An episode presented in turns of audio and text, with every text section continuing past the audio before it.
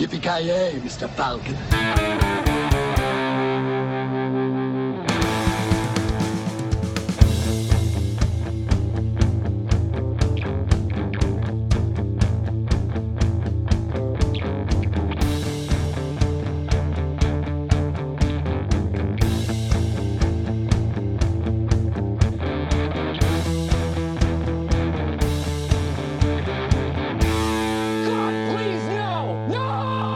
Hjärtligt välkomna till avsnitt nummer två med mig, Kalle.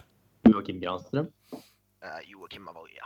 Och Kent är och kollar på slagsmål, så vi skiter i honom den här veckan faktiskt och kör en all edition fucking game podcast. Eh, Förhoppningsvis så kommer det bli relativt intressant där också, men vi har kollat på lite serier och filmer också, om jag har förstått det rätt. Vi kan väl återknyta till eh, tidigare avsnitt eh, där vi pratade om eh, Twin Peaks och att det skulle komma tillbaka.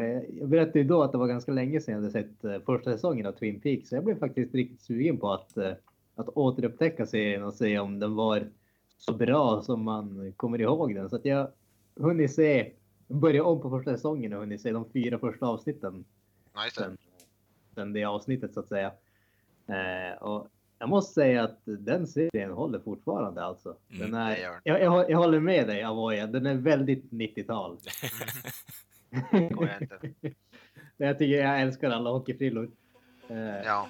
När pratar dem, men eh, Det är väldigt mycket Ja. överspel tycker jag också, men det funkar som. Alla som överspelar ju något jävligt känns det som. Det är som passar ju ändå in på något sätt. Det jag har hört egentligen från den serien är att det ska vara någon form av typ parodi på alltså den erans med såpopera, alltså tv-serier också. Att det ska vara lite, göra narr av det egentligen. Det, stämmer nog säkert. Och jag kan nog köpa Ja, det lite i alla fall. Ja, det, det, det håller jag med om. Det, det kan jag absolut köpa. Och en sak som, eh, som slog mig lite grann nu när jag suttit och kollat på, åtminstone början av tv-serien, är ju faktiskt att mordmysteriet är en väldigt liten del av serien. Alltså det handlar Ja. ju så extremt mycket om just staden och Mm. just den här eh, mysko-atmosfären och hela den biten. Mordmysteriet, det, det blir som bara en bi, bisak i sammanhanget. Det jag gillar med Twin Peaks är att de, de gör så här konstiga grejer. De följer så här, vad heter han, Dale Cooper, någon dröm och så gör de så seriösa som investigations baserat på det och ingen som frågasätter eller någonting. Det är som bara, ja det är ju klart. Han drömde om någonting så det är ju klart det stämmer det där. Som alla, alla så här konstigheter godtas i det där. Ingen som frå- ifrågasätter någonting. Det är som lite, jag tycker, jag, tycker jag gillar det på något sätt. Ja, jag älskar scenen när han står och kastar vad heter det, stenar på, mot en glasflaska. Ja. Det är helt bisarrt. Ja. Men den, jag gillar, jag älskar den scenen också. Och den är ju Ja. den är snygg serien, alltså den är ju fruktansvärt. Jag vet inte. Jag tycker jag gillar bara miljöerna och allting den. Den- är ju väldigt eh, estetiskt tilltalande måste man ju säga. Ja. Alltså, det, det är ju ändå, även om man märker att det liksom bildkvaliteten är inte bästa och alla de bitarna. Alltså, Mm. Det är ju väldigt snyggt gjort allting. Ja, så. Eh, Det är liksom väldigt tilltalande på något sätt. Och sen som sagt, musiken är ju helt fantastisk. Älskar intro, även introt är väl kanske ett av de bästa, ett av mina favoritintron tror jag till en tv-serie någonsin tror jag. Ja, Jag tycker, det, det, det sitter ju kvar i huvudet. Det, det, så fort man vad heter det, hör första noten då vet man liksom vad som väntar. Ja. Även det, jag tycker Dale Cooper är förmodligen en av de bäst skrivna karaktärerna i en tv-serie. Tycker jag nästan. Jag, jag tycker han är fruktansvärt, en fruktansvärt bra karaktär. Damn good coffee. And hot. Jag vet inte om du kan hålla med om det här Granström, eller har du kommit... Du har ju fyra avsnitt in nu liksom. Det är inte så mycket egentligen fokus på Dale Cooper än, eller? Än så länge så är det ju man, man har ju som fått se de olika bitarna av staden om man Ja, säger precis. så än så länge. Det, det har inte blivit det där uh, superfokuset om man säger så. Mm. Samtidigt så tycker jag att eh, serien har hållit sig på, på mattan eh, väldigt bra än så länge i alla fall. Det har inte blivit så här uh, off the deep end konstig riktigt än. Så att, eh, det, det blir intressant att se när den där twisten kommer när den bara Det är väl, det är, väl, är inte det med i så andra säsongen? Jag Andra säsongen, är, andra, andra säsongen är det ju, det är ju full on, alltså fucking Lynch bara får göra exakt vad han vill. För jag vet inte om det är så här, vi Ja. pratade om det innan också, att han, det var så här snack om att han blev cancellad och han bara sket i vilket och alla producenter fick göra precis vad de ville och försökte återskapa första säsongen och så kom man in på slutet och försökte knyta ihop det. Men det var ju redan för sent då i alla han, fall. han, gjorde, han gjorde typ så här första och andra avsnittet i andra säsongen och sen typ kom tillbaka till sista. Ja, precis. Och han har väl sagt själv att han, han, han sa det nyligen, en sån här, the second season sucks. Han sa, det är väl tydligen. Det var därför han nu kommer vilja komma tillbaka för att göra det, den här nya. Ja, jag är lite små nyfiken på alltså kolla på den nya också, för det är många som har sagt att eh, det är inte riktigt som första säsongen på Twin Peaks, men det är ungefär eh, efter typ Mulholland Drive, där eh, är det någonstans han ligger nu med filmskapandet och serieskapandet överlag. Att det är på ungefär samma nivå och samma känsla i, i serien. Men den väl verkar ju vara, den verkar väl gå lite på det konstiga spåret också, den nya säsongen. Jag har inte läst så mycket, jag har inte läst så många åsikter om den, men det verkar som att den börjar lite konstigt i alla fall. Den har väl varit ganska polariserande tycker jag av det Ja. jag läst. Det har varit antingen så har det varit folk som har älskat den eller så har det varit de som har hatat. Men det verkar inte vara så många som verkar tycka att ah, den är okej ungefär. Men det där är väl ändå en är, grej. det- är det inte så? Ja, det är väl under, är det inte lite som med gamla Twin Peaks också, där man de Jo. ha, den hatas eller? Sen så tänker jag mig, om man ska dra det ännu längre så tror jag mer att eh, det där är lite signumet för eh, alltså surrealism överlag. Att det är, det är väldigt Ja, det, polariserande. det kan jag om. David, det är väl som med David Lynch som filmskapare också. Jo. Lite grann. Jag har, jag har faktiskt inte, jag vet inte fan om jag, jag kan komma, inte komma ihåg något så här på rak arm som jag sett av David Lynch. Förutom Twin Peaks. Men jag tänker på det, men han gör väl typ sig bara, det är väl hans grej lite grann. Ja, Eraserhead är ju ganska speciell. Ja. Razorhead, uh, Mulholland Drive, Mulholland Drive ja, och Velvet Lost Room. Highway. Ja, Lost precis. Highway. Är det Lost Highway den här filmen? Är någon som vet du, är en bilmekaniker och så flyttas han in i en annan kropp typ eller något sådär konstigt. Jag vet inte. Han Dune har han väl gjort. Har inte han gjort en filmversion av Dune också? Ja, helt, inte helt omöjligt. Jag tror det. Nåväl. Ja, ja, men eh, du kommer fortsätta kolla det, Granström, eller? Ja, då, det kommer jag definitivt att göra. Mm. Eh, som sagt, alltså det, det tacksamt kan jag tycka när det är en sån här serie som faktiskt är eh, relativt kort ändå. Första säsongen är ju bara åtta avsnitt. Så jag är ju Mm. halvvägs igenom den. Ja. Eh, nu vet jag Är, det- är, det, faktiskt är det åtta avsnitt? Ja, åtta eller sju avsnitt är det. Kanske. åtta avsnitt är det i första säsongen. Sen vet Ja, jag inte hur det. långt den andra är faktiskt. Nej, Jag tror det den är längre. 24 eller 25 avsnitt eller något sånt där. Jävlar! Ja. Ja, jag tänkte att ja, jag kommer att hinna klart den här serien typ Nej, men Två den, veckor. den, den, har sånt där. Den, är, den är skitlång säsong två. Det är helt, helt. Okej. Ja, ja. jag, jag ska försöka. Jag ska definitivt ta första säsongen. Förhoppningsvis tar jag mig väl igenom andra också. Vi. 22 avsnitt. 22 avsnitt är andra säsongen. Om vi säger så här, Granström, det är ingen som klandrar dig om du tappar serien efter hälften med tanke på att det är ganska segt att ta sig igenom andra säsongen. Vad hade Granström gjort mer i veckan då? Eh, jag hade ju sett på en film faktiskt. En eh, Netflix-film. Okej. Ja. Eh. Vid namn Blame eller Bram. Det är en... Eh, Jaha, ja, ja, ja, men jag vet vad du pratar om nu. Den kom ju ut, för, den kom ju ut i veckan nu, gjorde den ju. ja, jag tror den kom förra veckan faktiskt. Okej, ja, whatever. Ja, det- vä- väldigt ny är den i alla fall. Ja. Det är ju en eh, anime Mm. eh, baserad på en eh, manga av eh, Tsutomu Nihei. Mm. Eh, den är gjord av, jag vet inte om någon av er har sett eh, Knights of Sidonia på Netflix. Det är också en eh, ja, anime-serie som är baserad på en manga av samma snubbe. Mm. Men jag, jag började se den serien, men jag tyckte inte att den var eh, speciellt bra. Jag hade väldigt svårt för animationsstilen, för de har blandat sån här dataanimerad med Ah, klassisk okej. Okej. animerad som jag inte tyckte mesha ihop på ett bra sätt. Och det är just det. Nå någonting som allmänt jag tycker anim animefilmer när det kommer till dataanimation, det är att de har väldigt svårt att få till eh, viktkänsla. Alltså allting Mm. verkar som att eh, det utspelas i nollgravitation ungefär. Okej. Just Jag, jag, jag var lite orolig att den här eh, filmen skulle vara på samma sätt, men eh, det var den faktiskt inte. Eller åtminstone betydligt mindre än, än den tidigare serien i alla fall. Mm. Så Ja. att, eh, ja, jag läste den här mangan för jäkla massa år sedan. Mm. Eh, och den är ganska bizarr. Man kan väl diskutera hur mycket handling det egentligen är. Den mer ett showcase eh, för att visa hur snyggt eh, Tsutomu Nihei kan rita gigantiska konstruktioner och sånt. Okej. Han var, jag har för mig att han var typ arkitekt eller någonting sånt eller har gått någon typ av arkitektutbildning. Så att, Ja. liksom, all, allting han ritar är så här gigantiska saker och sånt där och det ser galet häftigt ut. Eh, och med glädje måste jag säga att de har faktiskt lyckats återskapa det på ett eh, förvånansvärt imponerande sätt i den här filmen. Det, den är riktigt, riktigt eh, häftigt gjord. Handlingen kan man väl fortfarande diskutera om det Ja, den är speciellt bra eller intressant. Men filmen är inte speciellt lång. Den är väl en timme och 40 minuter eller någonting åt det hållet. Och den är jävligt häftig att se på. Bra musik tyckte jag också. Jag liksom, äh, den, är, den är underhållande. Det är en tre av fem om man säger så. Det är ingenting som är spektakulärt, men den är definitivt värt, eh, värt tiden. Speciellt om man är intresserad av de där lite, lite mer udda grejerna men det där är väl lite typ någon form av dystopi-manga från början, eller hur? Att det är lite Ja. mer i framtiden att allting har gått åt helvete i stort sett.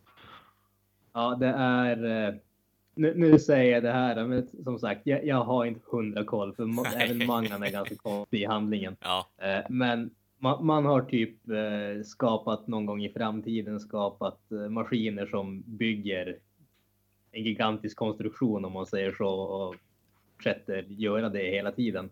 Sen så har eh, människorna tappat eh, kontrollen över det där så att eh, maskinerna har helt enkelt byggt in hela världen och som byggt in jorden. De har byggt in, jag tror i mangan har de kommit sig så långt så att hela hel- allting från jorden till hela Jupiter är för mig är liksom inuti den här konstruktionen. wow.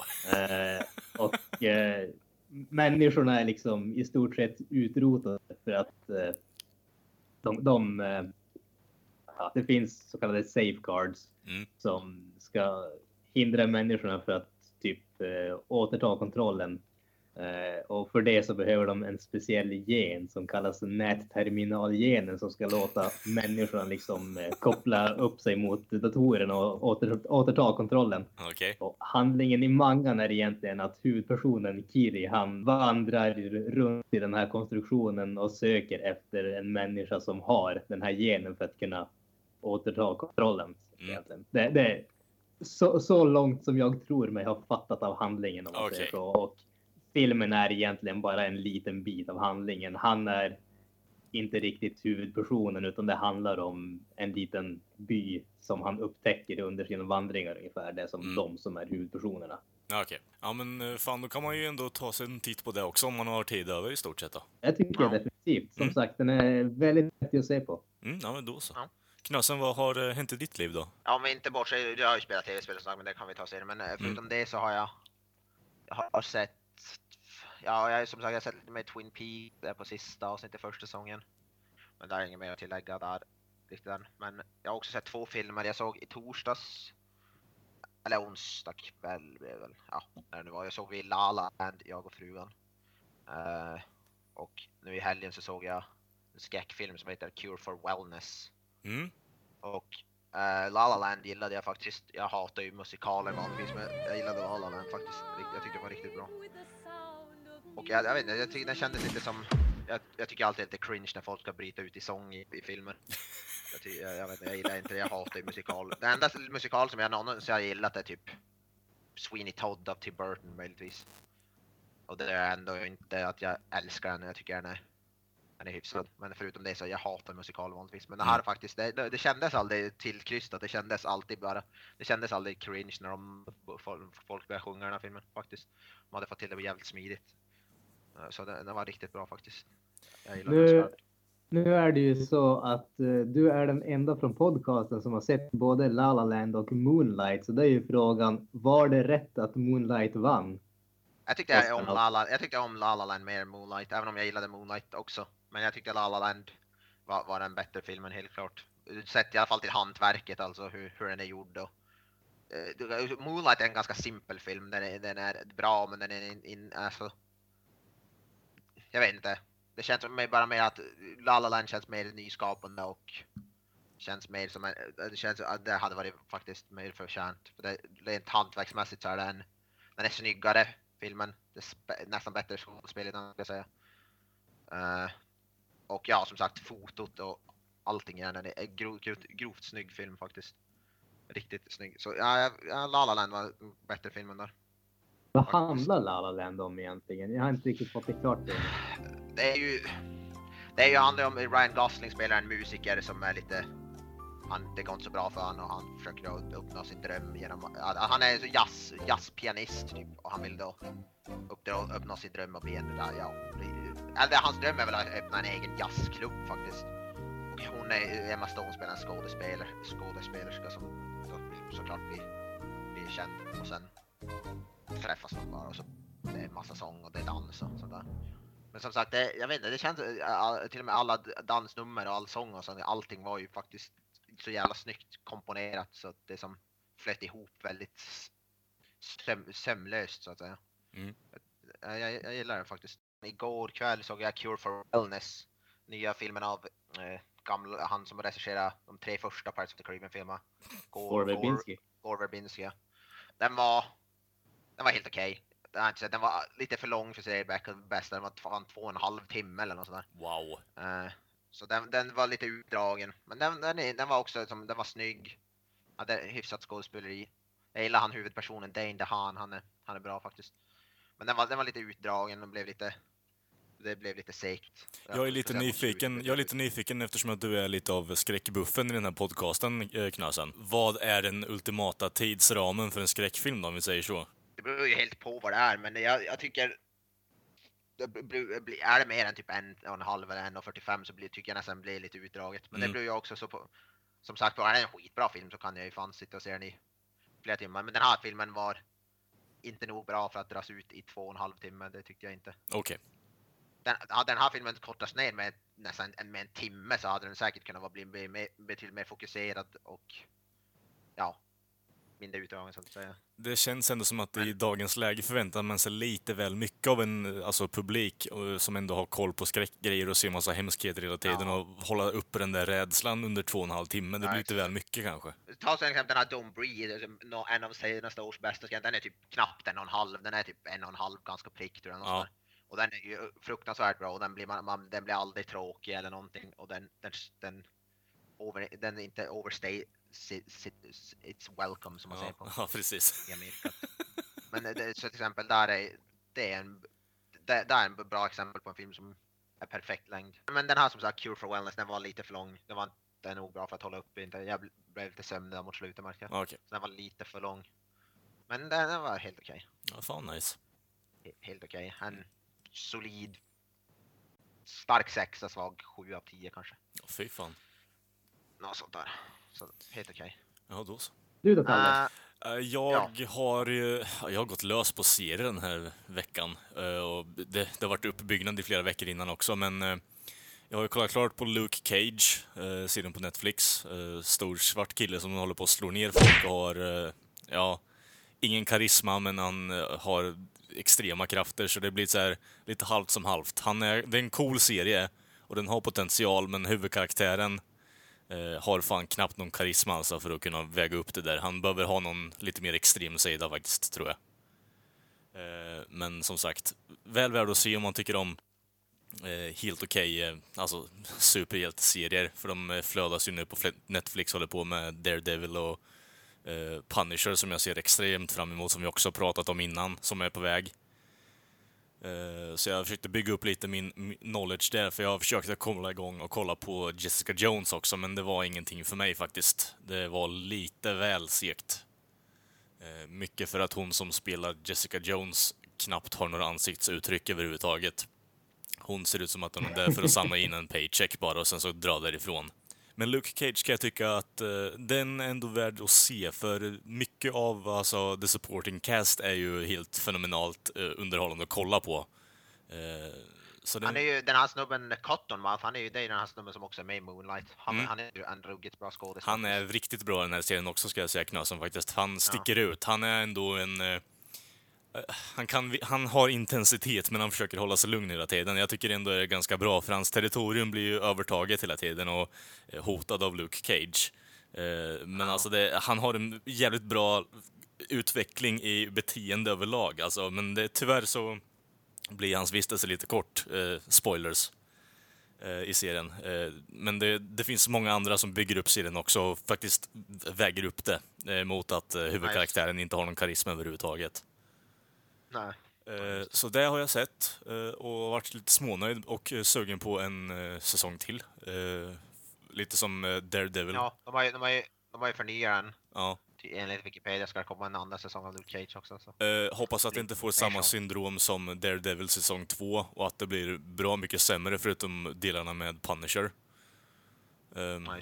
Men jag tror mycket det berodde på att eh, de hade Wilson Fisk och eh, ja, Vincent Denario i, eh, ja, i rollen som Vincent, eller ja, Fisk liksom. Så det, han, gjorde ju, han gjorde ju den serien ganska ordentligt också i och för sig.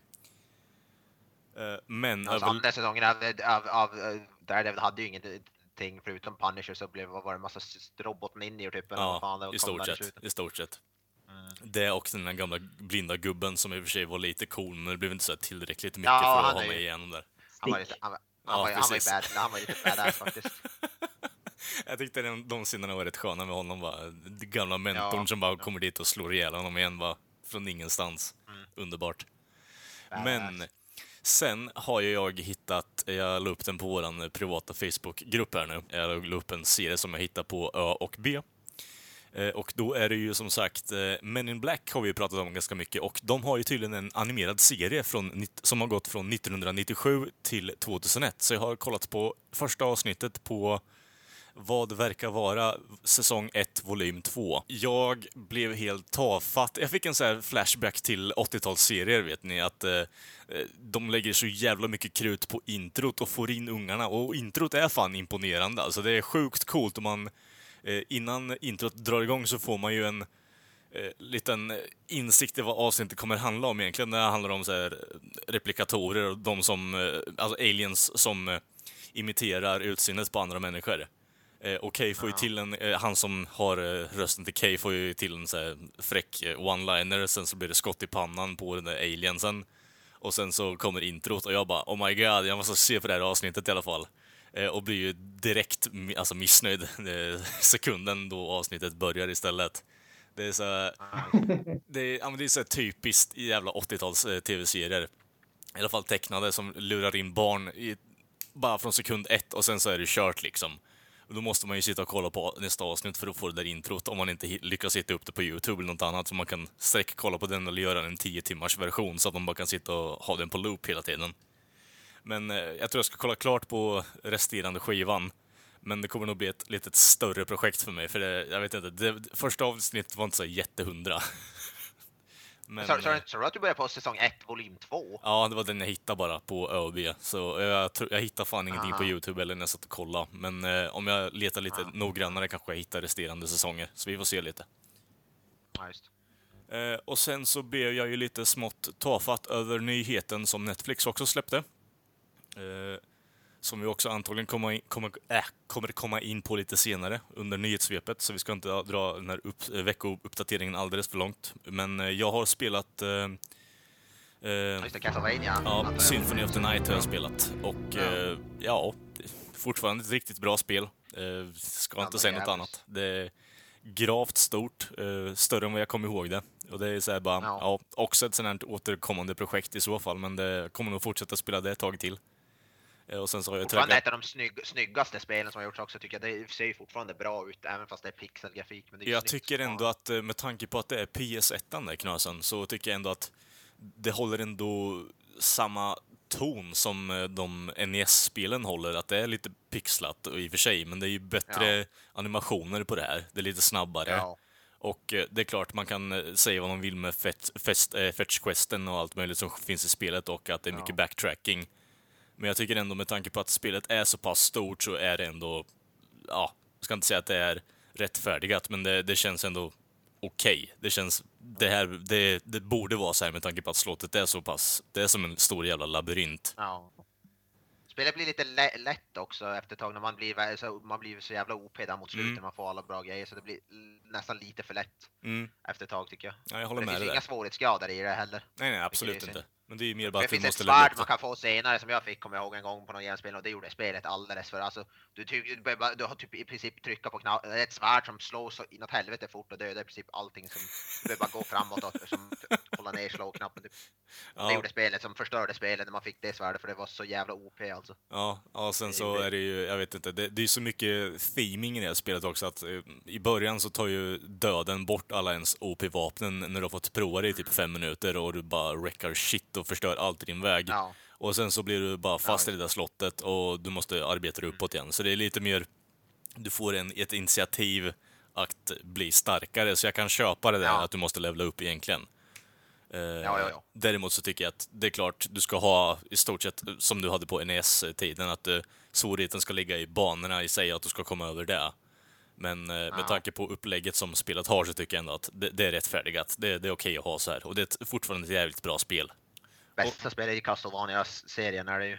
Mm, ja, jag skulle nog säga att ettan är nog fan bättre på NES där egentligen, men eh, jag förstår vad du menar Knasen. Det, det är ju ett av... Det, det här var ju spelet som startade igång hela crazen med eh, fucking Metroidvania-grejen, att det skulle vara på maps och man skulle backtracka och hålla på och sånt där. Eh, och det här spelet gjorde ju det bäst, skulle jag vilja säga, än så länge i alla fall. Men jag, jag tror jag spelar första. Jag, jag tror jag spelar, det finns någon remake tror jag på första Castlevania till typ så Super Nintendo. Så, det Ja, det är ju spelar. Super Castlevania 4 va? Och det är ju lite speciellare. Ja. Du har ju en så här... Jag tror det, det, är, det är väl i princip, det är väl första spelet bara med lite nyare me, me, mechanics. Ja, i stort sett. Du har ju så en piska som du bara kan typ spasma omkring och ta allting i Ja. 360 typ, och så bara ser jättekonstigt ut. Och moonwalka, så det är alltid någonting. Ja, precis. Det gillar jag med, jag gillar det också med Symphony of the Night när du dashar, han dashar baklänges. Ja. Det är ju så fruktansvärt fult, det förstår jag som inte designfilosofin bakom det. Men Nej, inte jag heller knasen. Men, kör, kör på det. nej, men å andra sidan så finns det så här, det, det är ju väldigt mycket coola animationer i spelet, så ja, men Ja. det, det håller ändå en, eh, en, en, en stor del i mitt hjärta i alla fall när det kommer till att spela sp- tv-spel. Det är, det är ett sjukt bra spel. Eh, jag, kommer all, jag, kommer, jag tror inte jag kommer tröttna på det överhuvudtaget. Jag tycker det är för coolt atmosfär och de har lagt upp det alldeles för bra alltså. Det, det är svårt att ta bort det.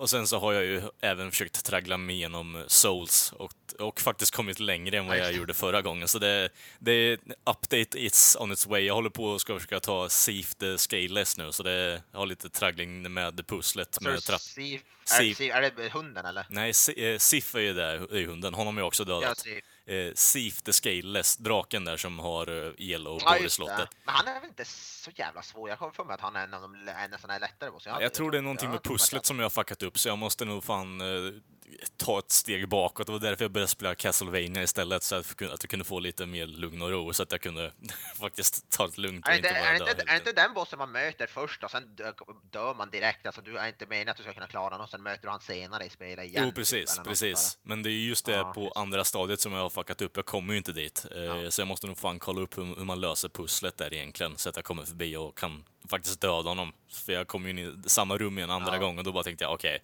eh, jag, jag gör någonting fel här nu.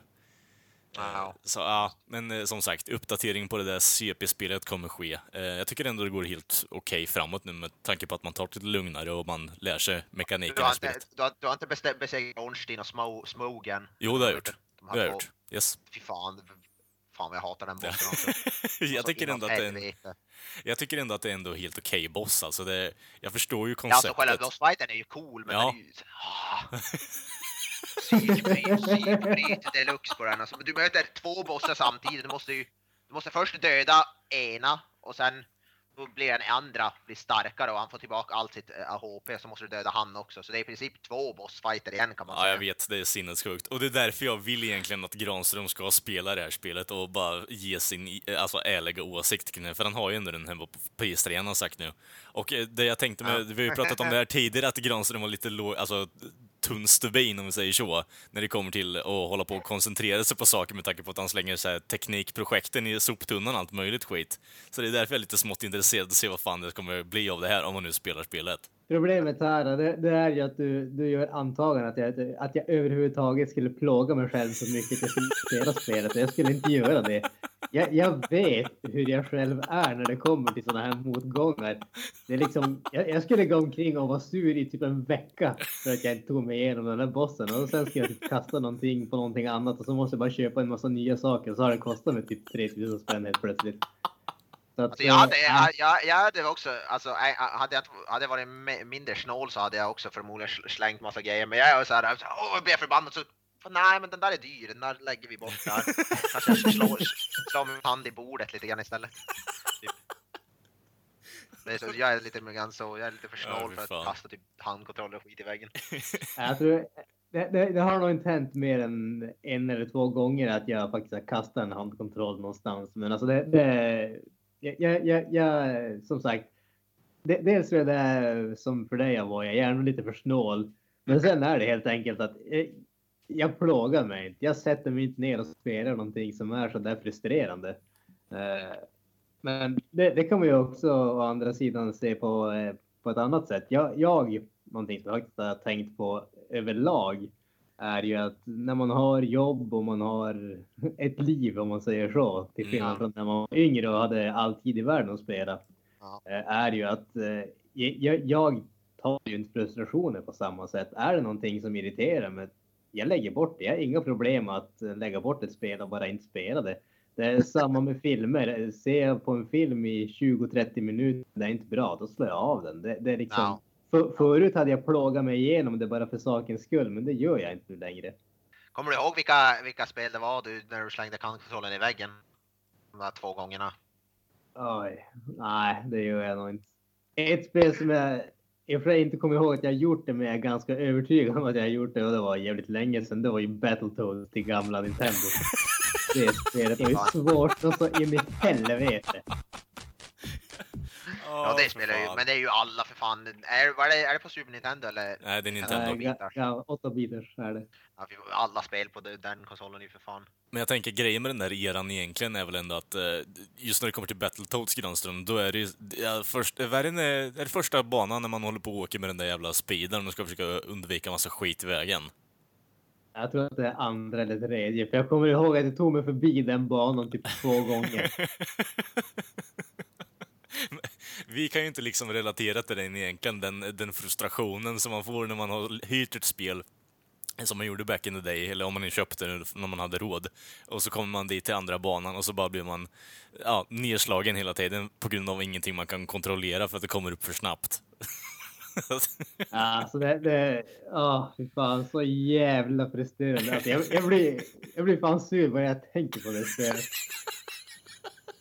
Nej, fy fan. Uh, men om vi går vidare till ett spel som är betydligt mindre frustrerande så har jag ju suttit och plöjt, eh, plöjt, nästan plöjt mig igenom Prey mm -hmm. sen förra avsnittet också.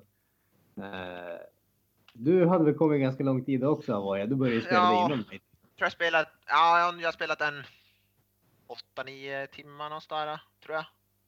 10, ja, kring, ja, 9-10 timmar tror jag. Något sådär. Jag har väl spelat lite drygt. Okej, okay, då har jag nog spelat ganska bra mycket längre. Jag tror att min ja. senaste spartid låg på 25 timmar tror jag. How do you kill that which has no ja. life? Ja, du, ja, då, då har du spelat betydligt mer än mig. Ja. Jag har just fått, eh, just kommit dit man har fått börja få vad heter det, all de här alien powers så att säga. Okej, okay. ja, ja. Jag, jag är nästan i slutet av spelet. Ja. Så att, ja, jag, jag, har typ eh, en grej kvar att göra tror jag, sen är jag färdig. Jag, jag, jag, ska klara ut det efter att jag spelar in det här ikväll. Men eh, jag är ju lite såhär completionist, jag vill ju också göra, jag springer runt överallt och försöker göra allting förutom just huvuduppdraget så mycket som möjligt. Det så är jag alltid i alla spel i princip. Mm. När jag verkligen inte har någonting med att göra går jag och gör huvuduppdragen. Men... Ja.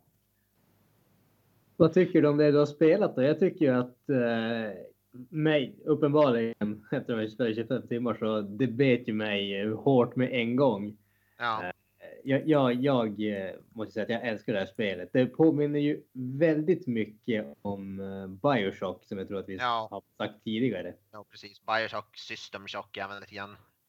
Mm. Uh, det, jag älskar ju, jag, jag, jag, alltså jag är ju väl, jag, även om jag inte spelar så mycket som du, men det är ju verkligen min typ av spel. Jag älskar ju att det är som en stor rymdstation och det finns skrymslen, du kan krypa i ventilationstrummor och du kan ta dig in, ta dig överallt på olika sätt liksom. Kommer du till en låst dörr så vad fan, typ genom en ventilationsrum och hacka in i dörren eller eh, typ ta, typ spräng, ah, spräng, det vet jag inte riktigt om det går men det är lite grann sådär, jag älskar den där eh, typen av level design om man ska säga.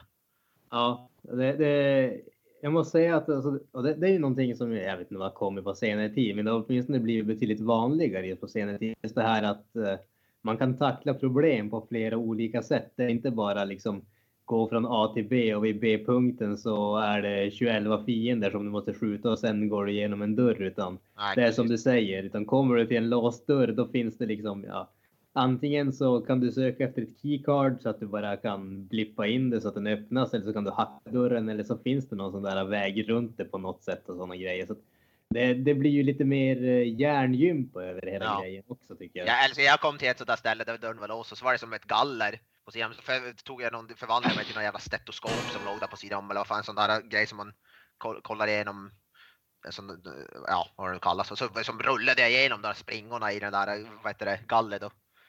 Sådana mm. där grejer tycker jag är svincoolt alltså. Jag älskar ju sånt där. Ja, jag måste säga det, det som sagt, det har verkligen klickat med mig på ett sätt som det var. Det var länge sedan, eller länge sedan i och för sig. Horizon Zero Dawn klickade rätt hårt för mig också, men det var ju för att jag hade robotdinosaurier så att det säger sig självt. uh, ja, men det, det, alltså det, det, finns ju i stort sett bara en sak som hade gjort det här spelet bättre och det är ju faktiskt dinosaurier. Mm. Är det någonting vi hade... Ta upp någonting sånt vi har tänkt på, något sånt skit, eller ska vi bara hoppa in på nedsvepet? Jag tänker sällan. Det, det, det ja, det är bra. Det är bra. det är ohälsosamt att göra det för mycket. Ja, jag vet. det var ju där, där någonting, jag vet vad den här... Kalle hade ju lagt upp den här klippet på den här Netflix-serien Castlevania. Ja. Det var, det var ju faktiskt, den tänkte jag, den tyckte jag så, det ser riktigt bra ut faktiskt. Mm. Jag var, jag var faktiskt också när du började, när du upp den där, jag blev också sugen och gick tillbaka på lite Symphony of the Night. Mm, mm. Jag, vet, jag tycker det ser riktigt intressant ut faktiskt. Jag är lite nyfiken på om Bra det kommer vara en serie bara eller om det är en film. Eh, jag vill ju gärna ha en serie. Min, minis, miniserie tror jag. Ja. Det ja, det, vad jag läste så var det någon typ av serie. Mm. Eh, jag, jag, jag, såg också trailern, det gjorde väl alla vid det här laget tror jag jag måste säga att jag var inte speciellt imponerad av den. Men däremot så såg jag eh, att den är, den är ju skriven av Warren Ellis. Okej. Okay. Eh, som, eh, om man har lite koll på serietidningar så börjar man åtminstone känna igen det namnet. Eh, så att eh, bara på grund av den orsaken så är jag lite smått intresserad av det. För han brukar göra ganska intressanta, intressanta grejer faktiskt. Mm. Nej, men jag tror fan att det kan bli ändå... Jag tror inte det blir någon hit, men jag tror ändå det kan bli ganska intressant att, att se. Och det, jag tycker ändå det, att det coolt att Netflix överlag bara går ut och producerar så mycket bra grejer nu med uh, Better Call Saul, uh, alltså House of Cards och lite sånt jox. Alltså de, uh, det är inte homerun efter homerun egentligen, men det är mycket bra skit som kommer ut därifrån. Så det, jag kommer nog kolla på och, se, och ge den en chans åtminstone. Sen som sagt, är det en miniserie så lär det ju inte vara någon sån där jättestor eh, tidshål att Nej. falla ner i, utan då kan man ta de avsnitten ganska fort. Mm. Jag gillar ändå att den, den verkar vara rated R också, den verkar vara våldsam och sådär. Ja, det flög ju massa och, blod efter piskrappet där så. Ja. Den såg ju snygg ut också. Vad jag förstår är den baserad på tredje spelet.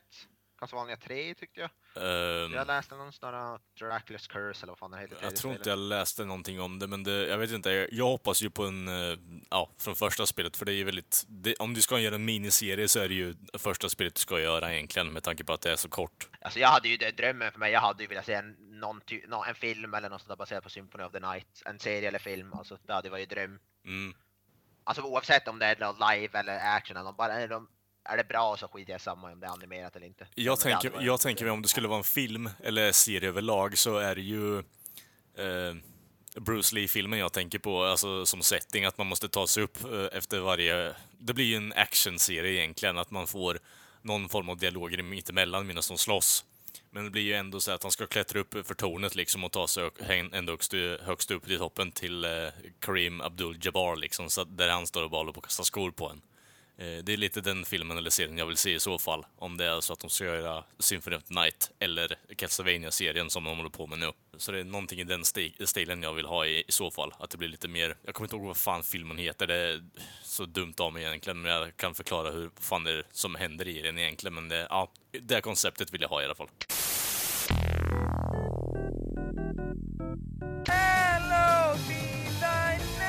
Vem håller i nyhetssvepet då? Granström hade letat upp massa nyheter nu hörde han ju. Så det... Jag, jag kan väl ta det. Nej, nej, nej, Vi, vi kan ju klippa bort den biten där jag låter helt... Jag kan väl ta det. Kent, Kent kommer flå dig levande för att du stulit hans. Yes, jag stulit hans grej men han är inte här. Då får han, då får han gott finna sig i det. Vi byter ut, vi sakta men säkert så edgar vi ut han från podden. Han kommer inte ha någonting kvar. Vi kan klippa in när man säger nyhetssvepet i alla fall. Eh, Vi kastar oss in i nyhetssvepet. Precis. Jag. Yes. Och vi håller oss till spelfilmens värld. Eller kanske inte, men dock Netflix. Jag vet inte om ni har hört om det killar, men Netflix ska ju faktiskt göra en serie baserad på The Witcher också. Ja, det Ja. hörde jag. Ja, det är näst. Ja, det är näst. Eh, do, dock så är det, har det tyvärr ingenting med tv-spelen eller CD Projekt Red att göra, utan det är eh, Andrzej Sapkowski som är författaren som skrev böckerna som eh, Mm. spelen är baserade på, som ligger bakom det som är någon typ av samproduktion Mm. eh, med Netflix. Exakt. Det ska även tilläggas att han är jättesalty över att det går så bra för spelen att eh, folk förknippar honom mer med spelen än vad de gör med hans böcker också. Så det, det kommer antagligen bli en så här jävla hårt, jävla långfinger till spelen i den där serien. Vilket jag inte hoppas med tanke på att spelen är säkert bättre. Men det, det med det var ju att han, när, när, han vet du, när de köpte rättigheterna av honom så fick han välja mellan en klumpsumma direkt eller ta en viss procent av vinsten och så valde han klumpsumman för han trodde inte Ja. att det skulle bli framgångsrikt överhuvudtaget. Nej, Så han har ju förlorat typ miljoner på det där. Så han, är, han har ju sagt det själv att han är jävligt less. Att det gick så, Ja, att det blev så. Han har ju ingen annan än sig själv att skylla i alla fall. Nej. Nej, nej, absolut inte. Han är, han erkänner ju det att han gjorde ett misstag, misstag också. Ja, det får man väl hoppas. Ja. Men- den, är ju, det verkar ju, den har ju rätt hög budget också som jag förstått den här serien och ändå kommer bli en rätt stor produktion.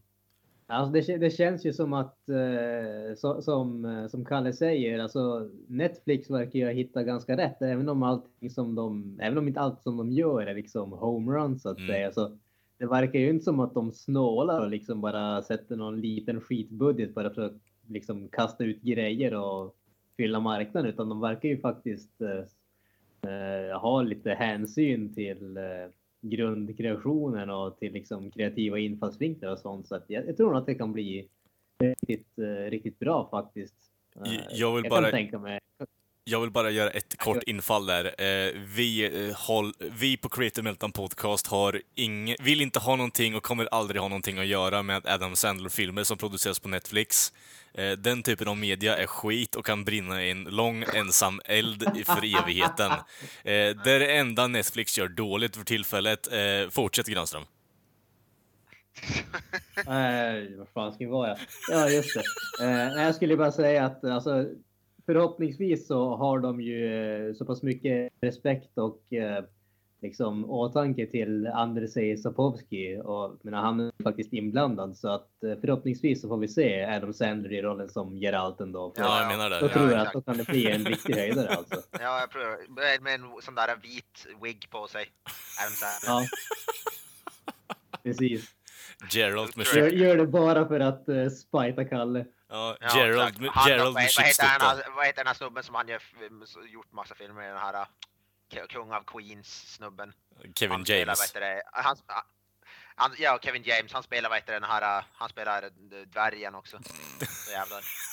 Så, vad heter han? Sultan. Han spelar Sultan. Så då, då jävlar. Ja, jag tänker mig att David Spade blir ju liksom uh, Dandelion i så fall, och den där barden David som får gå omkring och spela lite flöjt och hålla på sådär. Och var det typ Con- Conan O'Brien spelar Miss Marigold eller något sånt där. Det, det skulle ju vara någonting. Alltså. Ja. Faktiskt med, med tanke på med, när vi pratar serie och film, det finns ju fort, en, både en serie och en film baserad på Witcher faktiskt från 2001. Kommer Mm. filmen från tror jag. Och 2002 kommer serien från The Hexer, någon sån här polsk produktion typ. Mm.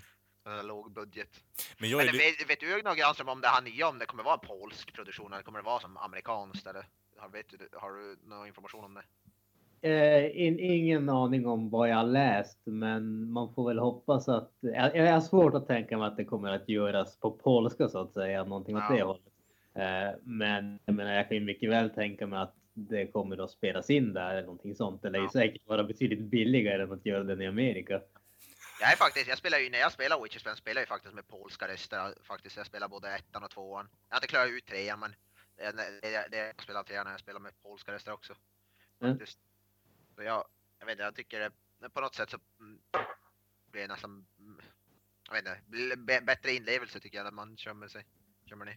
Känns väl kanske lite mer autentiskt eller någonting Ja, jag tycker Det, det är ju, alltså jag, jag vill ju alltid se filmer på originalspråk. Även, Ja. om det liksom, även om man ser filmer med text så vill man ju ändå se dem med originalspråk. Så Ja. är det ju. Jag, känner samma sak för tv-spel också. Spelar jag ett japanskt spel då vill jag ofta spela med japanska röster Ja, också. exakt. Exakt. Men vem fan undrar? Vem fan hade kunnat passa rollen som Geralt? Men- Ja, det var men- det jag lite tänkte på lite o- Okänd skådis nästan tror jag. Ja, det de har pratat om är ju typ Mads Mikkelsen, men jag är inte helt hundra på det. Jag är inte helt hundra på det alltså. Det, Han känns lite... Ja, jag ska inte säga att han, Han är känns gammal. bra, men det känns inte riktigt som... Nej. Du behöver men ha han någon... känns nästan lite för gammal beroende på när, de, när den här serien ska ta plats. Han är ju lite äldre än i Witcher 3, men typ ska det vara typ såhär Witcher, nej Witcher 1 han är ganska ung Geralt fortfarande. Jo, men det är ändå Men x ändå, antal han hundra år han på nacken så. Utseendet är väl ändå... Ja, jag vet inte. Ja, jag är inte så hundra på ny, utseendet med Mads Mikkelsen. Alltså, överlag så är ju han ganska stoneface actor. Han är ju väldigt känslokall i alla roller han är. Så jag tror det kan ju kö- alltså, vara en helt okej hit. Men jag tror inte, jag vet inte, utseendet gör ingenting för mig egentligen. Ja. Nej, det är fan svårt. Okej, vidare till nästa grej. Yes. Far Cry 5 har ju blivit utannonserat eh, och dessutom utspelas i Amerika för första gången någonsin. Tidigare så har ju spelen varit på diverse exotiska öar. Mm. Eh, Men nu så flyttas man till eh, Montana eh, i Arizona, tror jag. Fy fan Kan hända. Har då, dålig koll på amerikansk Ja. geografi måste jag erkänna. Där du hamnar tydligen i någon typ av religiös sekt. Ja. ja, det verkar är vara något. många religiösa sekter i tv-spel på senare Ja, av någon anledning. ja, Vet inte fasiken varför. ja. Vad tror ni om det? Har ni spelat dem tidigare, Far Cry-spelen? Jag har spelat... Ja, jag har väl ändå... Jag, jag har klarat ut Far Cry 3, har spelat Far Cry 4 och Primal, har väl även spelat ettan och tvåan way back in the day så att säga. Jag har spelat ettan, eh, trean och sen så har jag ju spelat, eh, eh, fan är det, den jävla 80-tals eh, Ja, just kärleksbrevet. det, Blood Dragon. Ja, Ja, ja, det har jag också klarat. det har jag det- det har jag spelat. också spelat. Så, Jag, jag gillade Far Cry 3 som fan, tyckte jag var riktigt bra. Blood Dragon var som fyran är inte fullt lika bra som trean tycker jag. Primal... eh, jag vet inte, jag har inte spelat Primal nog mycket för att jag ska... Men det är inte heller super, fast jag är inte heller super mycket för tror jag. det känns inte som att de Ja. gör sig själva en tjänst genom att hålla på och sätta spelet i Montana. För Montana för mig är ju så här bara, det här, det här vi har Hicks i stort sett och banjon kommer i bakgrunden och de håller på med fucking alltså, spritjugs och blåser på den och håller på och har sig. Det, jag vet inte, det, det låter inte så jättehippt kontra om du har så här, en semesterresort med massa terrorister och kultmänniskor i stort sett. Alltså, jag, känner ju lite grann samma sak där jag också. Alltså, jag, jag, en, en del av attraktionen av de tidigare, eller när jag har spelat trean, fyran och så Blood Dragon. Men det var ju just de här exotiska platserna och allting som var. Det, det var som så far removed så att säga från någonting som man själv har varit med om och själv har sett och sådär. Mm. Och det känns som att jaha, en liten by mitt ute i ingenstans med religiösa fanatiker. Det, det, det känns inte lika intressant av någon anledning. Mm. Sen tror jag säkert att eh, det kommer att bli bra. De kommer säkert att göra det intressant ändå. Det, det är liksom.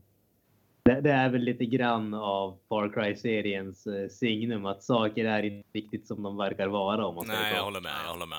Men det som skulle kunna göra spelet bättre för mig är ju om de har alltså Frank Zappas Montana på loop Medans du åker omkring på någon sån här jävla swamp machine, alltså luftbil i stort sett som bara flyger ner och så skjuter människor i farten liksom. Det hade varit ganska coolt i och för sig. Eh, om du hade gått på det här konceptet.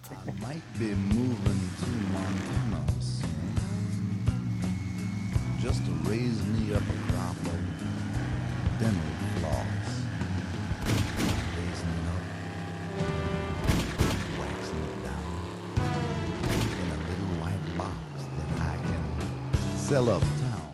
Det, det, det, eh, ger- vi får se om det blir någon så bra karaktär. Far Cry-spel i alla fall sen trean har ju haft ändå rätt starka karaktärer. Så trean hade ju Vas.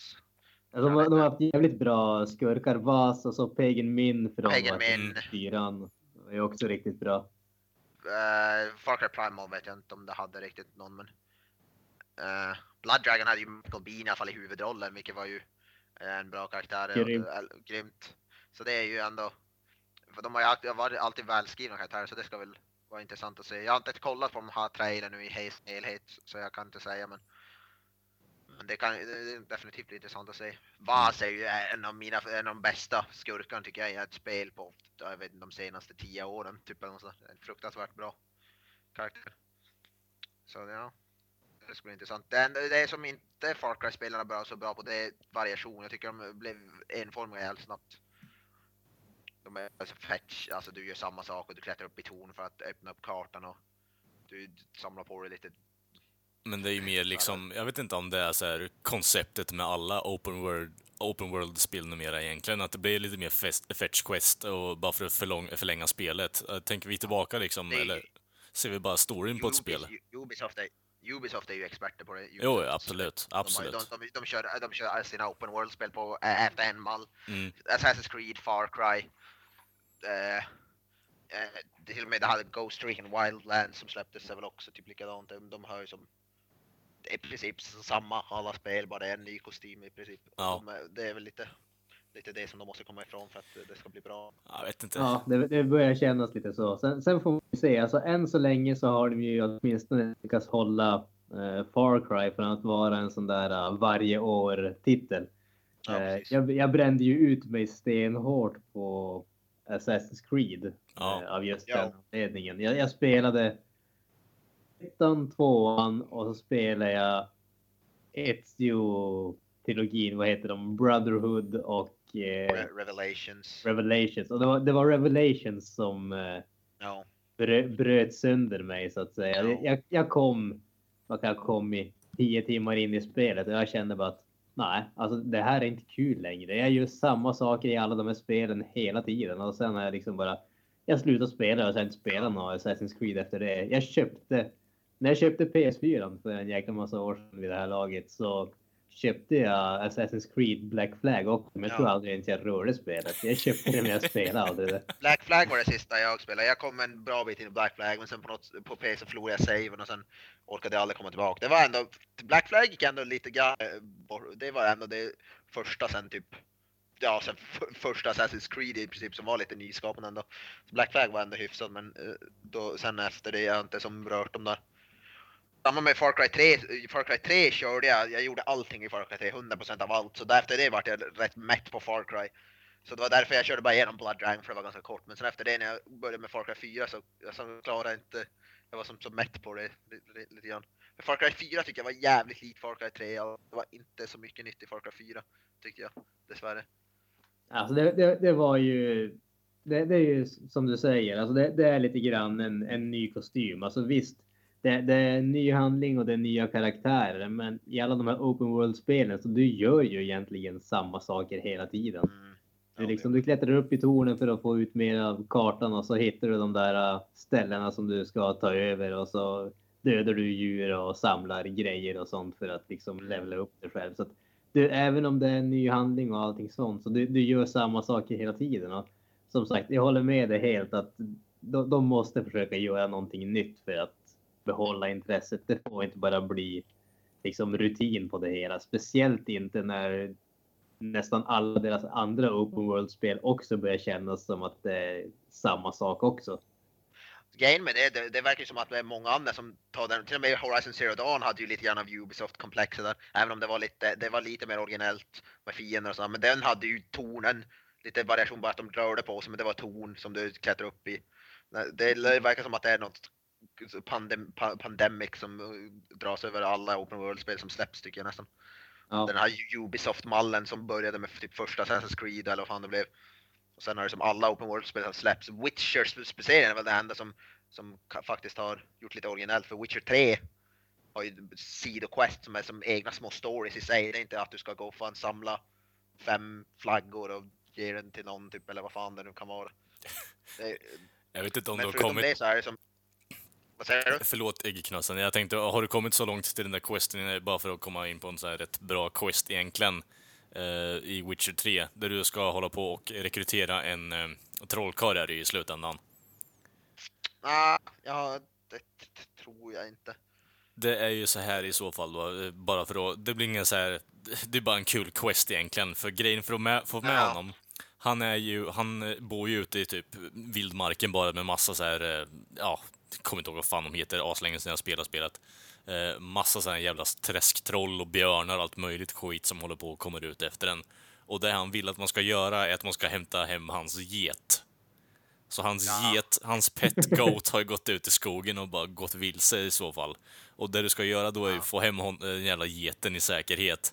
Och, och Geralt, eller Geralt går ju liksom kring och svär under, alltså, för sig själv lite till och från bara för att han ska hålla på och hämta en get. Jag tycker det är så jävla lustigt alltså. Det är sjukt bra quest. Och det finns ju många Alltså, det, sådana det är också. riktigt bra, alltså, folk kan lära sig av CD Projekt Red, alltså, Ja. 23 uppdragsgrunder. Mm. För det är varje, till och med de små questen som är, eh, som, alltså till och med de minsta questen har som en liten story i sig. I någon, i någon story ska du hämta en jävla stekpanna till någon jävla Ja, gammal tant eller vad fan det Bara det alltså, men de gör som det är en lustig grej av dem, de gör som, de som gör som en parodi lite grann på jag tror det är en sådana quest som gör som parodi på här fetch quests i typ Typ såhär, så World of Warcraft är ju kungen av fetch quests spel till exempel. De gör lite parodi på det. De kan lära sig alltså. Mm. CD Projekt Red vet, vet hur man, man, man gör questen. Jag är lite nyfiken på deras eh, nya spel som kommer ut 2018 också faktiskt. Det där med Cyberpunk-grejen och hela Ja, det där. Cyberpunk tror jag. Ja. Det kommer bli fruktansvärt bra tror jag. Jag tror inte att det kommer att komma ut 2018, men det är jag det. Ja, det, ja, det- jag är nog, det- det- står nog bakom dig också på det, men one can dream Granström, one can dream. Ja, ja men Ja. precis. Nej, men det, det verkar ju, vad heter det, det verkar ju definitivt eh, intressant tycker Mm. jag. Men som sagt, jag, jag misstänker att det kommer att skjutas på framtiden. Jo, det På kommer det. tal om andra saker som har skjutits på framtiden. Red Dead Redemption ska ju Ja, släppas eh, nu i höst, men det har ju blivit framskjutet till våren 2018. Ja, det är sex månader där bara. Det, Ro- Ro- Rockstar, det är ingen som är förvånad över att de försenar spel. nej. Nej, alltså jag, jag, jag tänkte på det tidigare. Har de någonsin utannonserat ett spel som inte har blivit uppskjutet? Nej, jag tror inte det. Men de är ju så de bryr sig inte heller för de, de, jag vet, de publicerar sina egna spel också så de, de skiter ju inte, de skiter ju i det alltså. De är, Rockstar är ju som namnet säger, de är lite så här rockstjärnor ska vara lite badass. De, de skiter ju i, de skiter Men i det. De, de, de gör som de vill i princip. De, de har, ja, men grejen där är att de har ju faktiskt eh, världens Ja. största spelserie och de har liksom Mm. hur mycket pengar som helst. Det, alltså, I praktiken gör det ingen skillnad om de skjuter upp spelet i liksom eh. Ett år eller två. De har liksom, de badar i pengar i vilket fall som helst. De har råd att göra så att, att liksom se till att spelet är verkligen så bra som det någonsin kan de, bli. de, de, Ja. de släpper ju inte dåligt, de, de släpper inte dåliga spel heller Rockstar. De är ju alltid, de är ju alltid kvalitetsspel. Oavsett om man inte gillar den typen av spel så är det nog ingen som kan förneka kvaliteten som de som läggs, alltså som, som GTA och Red Dead Redemption och allt det där. Ingen kan nog förneka det heller. Och de, är aldrig, de har ju aldrig någon problem med sina launchspel. Jag har aldrig, hört något problem med att GTA skulle vara buggigt eller kraschar eller någonting. Det är ju som, de har ju alltid, en av de få var- som alltid har smidiga smidiga Ja, var, var det inte ganska mycket just om man säger online-biten på GTA 5? Ja, det var, Ja. Väl, det var väl det. Det, det, det var väl lite problem där, men nu säger ju folk att det ska vara hur jäkla bra som helst. Ja, de har ju jättemycket patcher som kommer ut nu för tillfället också, men det som jag har hört från GTA 5 bland annat är att mycket, många klagar ju på att storyn och alltså spelet i sig var inte lika bra som fyran. Eh, alltså stundtals kan jag tycka att femman är, det har ju bättre sidequest om du vill ju leta lite alltså. Det, det är mycket som är gömt om man tänker efter. Det finns ju något sånt där kult... Jag, eh, jag, jag, typ, jag har inte spelat GTA 5 i princip, jag har spelat så här, typ 10-15 minuter av det totalt. Jag har inte Mm. spelat det överhuvudtaget faktiskt. Nej. Men, Men- jag, alltså, jag, jag, är- det mesta jag har hört är att fo- folk säger att det är ju ett av de bästa spelen typ, någonsin nästan. Ja, det, Det ju står jag nog inte det är bakom. sålt i, läser nyheter, det är sålt nu i 80 miljoner exemplar GTA 5. Mm. Men de bröt har väl typ... 32, 32 miljarder kronor har de dragit in. Ja. Men de bröt väl någon... har, de har, de har, Alltså, de har det där är stålar. sinnessjukt alltså. Det är så sinnessjukt mycket pengar. Mm. De hade ju kunnat göra en sån här är Rockstar moment egentligen och kastat ut alla jävla datorer ur eh, kontoret de har och sen så bara ge långfingret till hela världen och sen kan alla åka till Bahamas och ha semester för livet i stort sett. Alltså med den typen av pengar så kan man fan göra det. Ja. Jesus Ja, det Christ. Ja. Det är ju ett välgjort spel som, jag min, det är väl ändå välförtjänt. Det är ju som, gillar ju det uppenbarligen så det är ju... Nu har inte jag spelat det som sagt överhuvudtaget men Mm. eftersom det är ett, verkar ett bra spel så är det väl ändå välförtjänt skulle jag vilja påstå. Ja, om vi säger så här, bara jag får mitt cowboysarspel i slutändan så blir jag nöjd. För det här är någonting jag har gått och suktat efter jättelänge. Jag, jag vill ha ett nytt western eh, open world-spel Ja. faktiskt. Red Dead Redemption var ju fantastiskt när det kom också. Ja. Men det, det, fan släpp en version, en upp- uppiffad version till PS4 alltså också, eller PC eller någonting. Hade också blivit glad. De släppte ju- de-. De släppte ju eh, för fan till eh, Xbox eh, One gjorde de men det kom ingenting till PS4. Ja, men det var ju bara den här emulatorn, det, det, var, det var ju ingen HD-version, det var ju samma, exakt samma spel bara att den emulerades på Xbox One. Okej, okej. Det var, det var inget sån där remaster, det var ju bara, för det, Xbox One har ju någon typ av emulator som kan, kan spela gamla Xbox 360-spel. Ah, Så det var det de hade släppt. Men ja, de borde släppa något till PC, och PC, att de inte släpper Red Dead Redemption 2 till PC, det är inte utannonserat till PC i alla fall. Det är ju helt, det är ju för jävligt. det kommer om Jag två vet år inte upp. riktigt hur de tänkte. Vad sa du? Det kommer två år efter releasen. Ja, Red Dead Redemption första kom ju aldrig till PC. Gjorde- gjorde det jag inte det? var- Nej, nej det har det finns inte till PC. Jesus, för Jag förstår fan. inte. Jag förstår inte det, jag vet faktiskt inte. Ja, det tänker It's a sad day to be a PC Master Race Gamer alltså, tyvärr. Det är, alltså det, det, folk har ju som klagar på det hela tiden det är till och med nu i flera år efteråt är folk fan, vad vill ha en PC-version av Red Dead Redemption? Ja, nej, nej, jättekonstigt jag, jag alltså. Förstår, jag förstår. Sjukt Ja, konstigt. det- då har ni som sagt lyssnat på avsnitt nummer 29. Och ni hittar ju oss på Facebook, Twitter och Instagram. Och då kan ni söka på Creative Meltdown Podcast bara, gör vi enkelt för oss den här gången. Och eh, ni kan som sagt mejla oss och det finns en länk till det på Facebook-sidan. Creative Meltdown Podcast söker ni på så hittar ni oss där jättebra. Hörs vi nästa vecka. Ha det strålande. Hej! That's it, man. Game over, man. It's game over.